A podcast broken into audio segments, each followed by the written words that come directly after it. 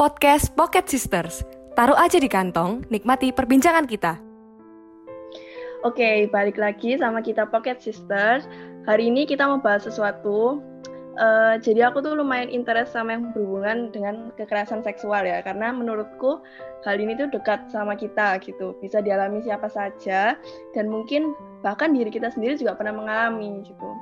Dan nggak lama ini aku sempat lihat ada gerakan atau um, semacam movement gitu ya. Yang minggu lalu juga kita sempat presentasi nama gerakan ini tuh No Recruit List. Ada yang sebelumnya pernah dengar? Baru pertama kali sih aku ini. Kayak waktu bikin PPT itu juga baru pertama kali dengar tentang No Recruit List. Berarti baru minggu lalu itu ya? Sama sih, aku juga baru-baru dengar. Cuman ya setelah habis tahu itu juga ikut interest jadi uh, mulai cari-cari gitu ya apa sih no recruit list ini dan uh, for your information guys jadi no recruit list ini uh, gerakan anti kekerasan seksual yang ditujukan kepada korban pelaku pelecehan seksual untuk melaporkan pelaku dengan cara mengisi sebuah formulir.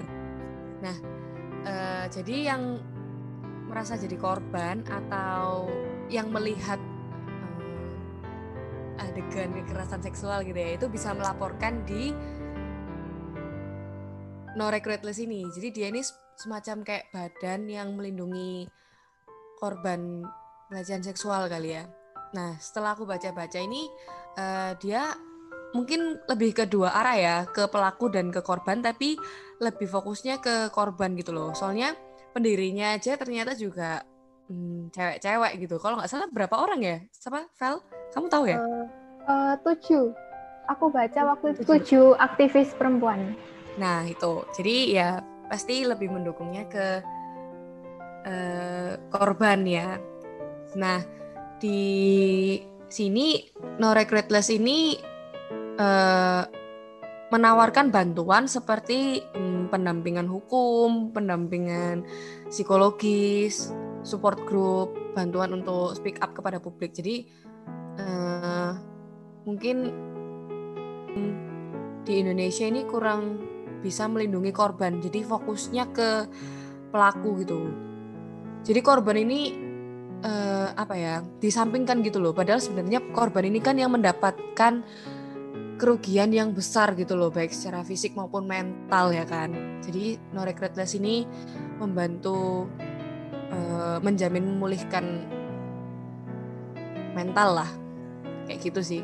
Dan uh, yang mendirikan ini kan Poppy ya kebetulan aku sebelum tahu no regretless ini aku tahunya tuh Poppy-nya dulu gitu. Jadi tahu no regretless ini dari Instagramnya uh, si Poppy ini dan emang sih pop ini dia sangat-sangat apa ya ya aktivis di bidang inilah di bidang hmm. kekerasan seksual terutama untuk perempuan dan terutama untuk KBGO. Nah KBGO ini kepanjangan dari kekerasan berbasis gender online. Jadi kekerasan yang mungkin kita susah untuk laporin ke bidang hukum gitu ya.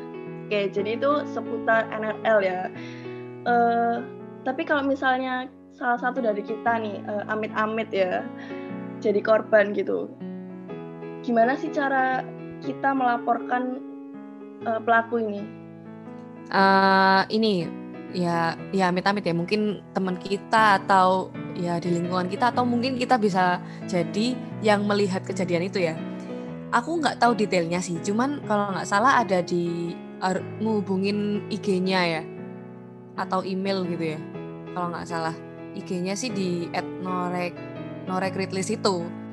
Jadi setauku yang jadi korban atau yang melihat itu bisa mengadukan ke Instagram itu atau mungkin bisa dari email norekritlis at gmail.com Oke, kalau kita bahas tentang kekerasan seksual atau gerakan yang maksudnya melindungi korban kekerasan seksual pasti ada hubungannya sama Pancasila.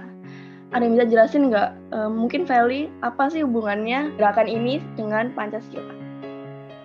Oke, kalau menurutku pelecehan seksual atau kekerasan seksual berhubungan sama Pancasila kedua ya, yaitu kemanusiaan yang adil dan beradab. Jadi kayak kita semua kan makhluk hidup yang memiliki derajat sama, nggak ada yang lebih tinggi, nggak ada yang lebih rendah.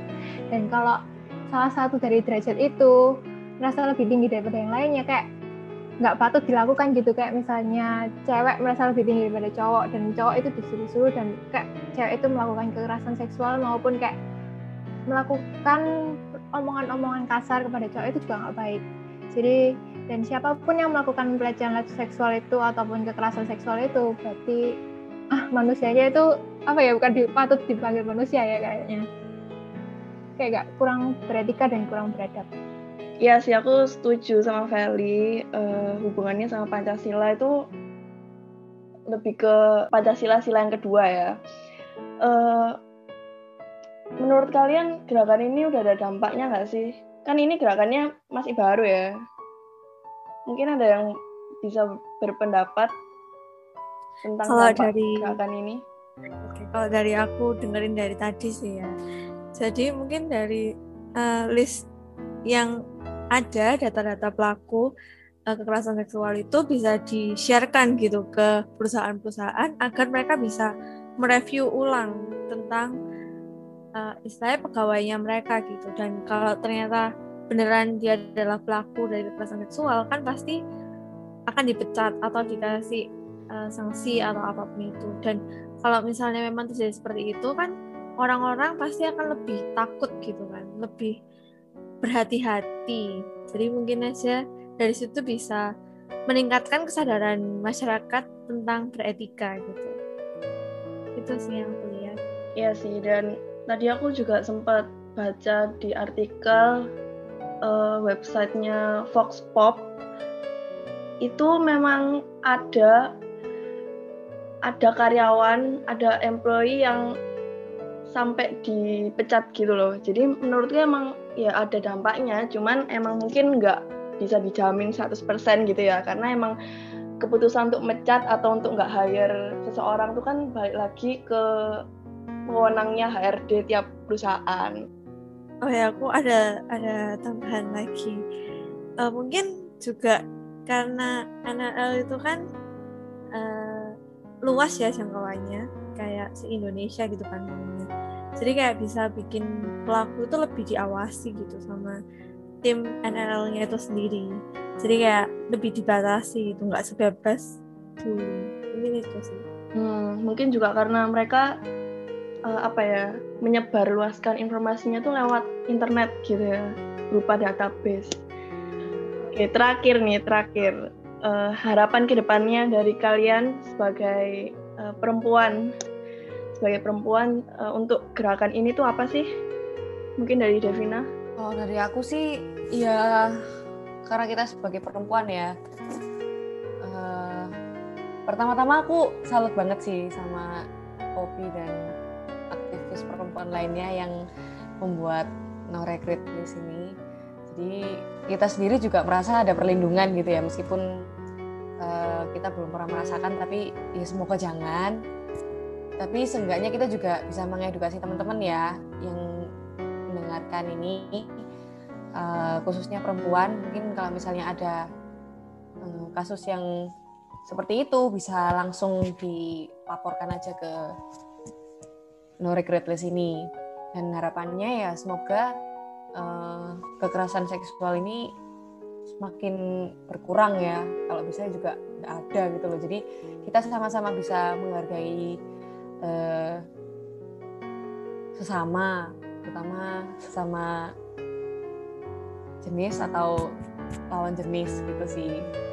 Iya benar. Kalau ya memang sebagai kita perempuan ya berharap kayak kayak no recruit ini menurutku membantu. Karena kalau kita sebagai korban yang nggak berani speak up ataupun lapor ataupun cerita kita bisa setidaknya berusaha untuk melaporkan itu ya meskipun secara tersembunyi tapi yang akhirnya pelaku itu bakalan terekspos. Jadi menurutku no recruit list ini harus kayak nambah dikembangin lagi dan mungkin bisa bekerja sama hukum gitu ya. Kayak biar bisa benar-benar membuat pelakunya itu ketangkep. Aku setuju sih sama Feli. Kayak aku sangat berharap kalau no repeat list ini bisa kerjasama sama pemerintah. Karena kan seperti yang kita tahu juga undang-undang tentang kekerasan seksual itu nggak terlalu kuat di Indonesia. Jadi kalau misalnya mereka bisa bekerja sama ya aku harap bisa men mengurangi atau bahkan menghilangkan kasus-kasus kekerasan seksual di Indonesia. Itu sih kerjasama sama pemerintah dan didukung hukum menurutku penting sih benar kata Jovita. Uh, Oke, okay, segitu dulu pembahasan tentang gerakan No Recruit List dari kita. Sampai jumpa di episode selanjutnya. Salam Pocket Sisters. Dadah!